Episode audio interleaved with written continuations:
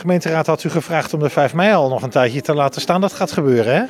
Ja, die uh, openen wij nog voor het uh, komende het winterseizoen. En ik heb uh, namens het college aangegeven dat daar de hockey in kan. Meerdere clubs hadden belangstelling? We hebben geïnventariseerd wat de behoefte is. En wij hebben een afweging daarin gemaakt van nou, als clubs in de 5 meihal willen, maar ze kunnen bijvoorbeeld in 1574 ruimte krijgen. Dan ja, dus de bedoeling dat natuurlijk alle verenigingen zoveel mogelijk in 1574 gaan zitten. Dat is ook een enorme puzzel geweest, maar daar zijn we best heel goed in geslaagd, moet ik zeggen.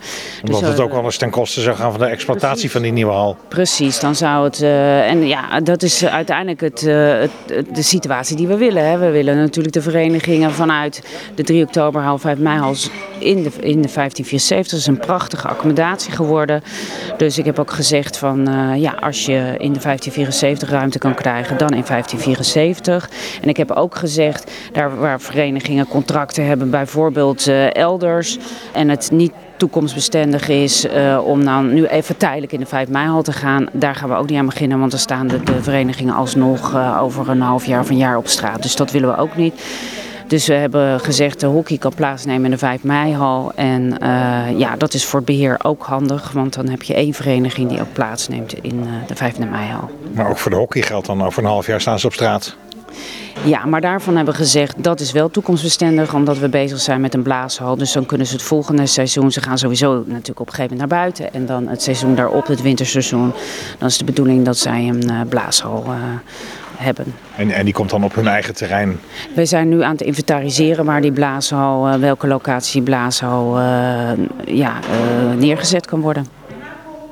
En heeft u ook nog wel eens gezegd, uh, kijk ook nog naar een soort prefab hal om uh, wat, wat sneller al uh, de, de, de hoogste nood te lenigen voor verenigingen. Is dat nog iets wat, waar u iets over kunt zeggen? Nee, dat heb ik niet gezegd. Wat ik heb gezegd is dat ik, wij hebben een, zoals we dan heel met moeilijke termen noemen, een een SAP, dat is een sportaccomodatieplan. Dan gaan we kijken hoeveel ruimte er nou precies nodig is vanuit de verenigingen. En uh, daar zal dan uit, blijken wanneer er een, een sporthal nodig is. En daarvan heb ik wel gezegd, dan ben ik bereid om ja, ook bijvoorbeeld een prefab neer te zetten als dat inderdaad sneller zou kunnen en tegen mindere kosten. Of dat we nou, bepaalde combinaties maken. Of bijvoorbeeld als we in een onderwijsgebouw al bezig zijn, daar een combinatie met een, een sporthal uh, uh, te maken. In die zin ga ik dan ook echt wel breed kijken wat de mogelijkheden zijn. Maar dat zou dan wel vooruitlopend zijn op een vaste hal in de toekomst?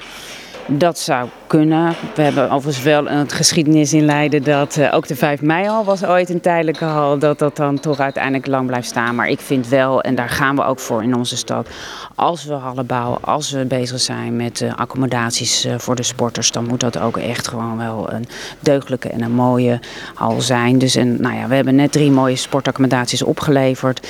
En ik, ik gun het de sporters ook om gewoon in een, in een goede hal te zitten. Dus dat zal altijd wel het streven zijn richting toekomst.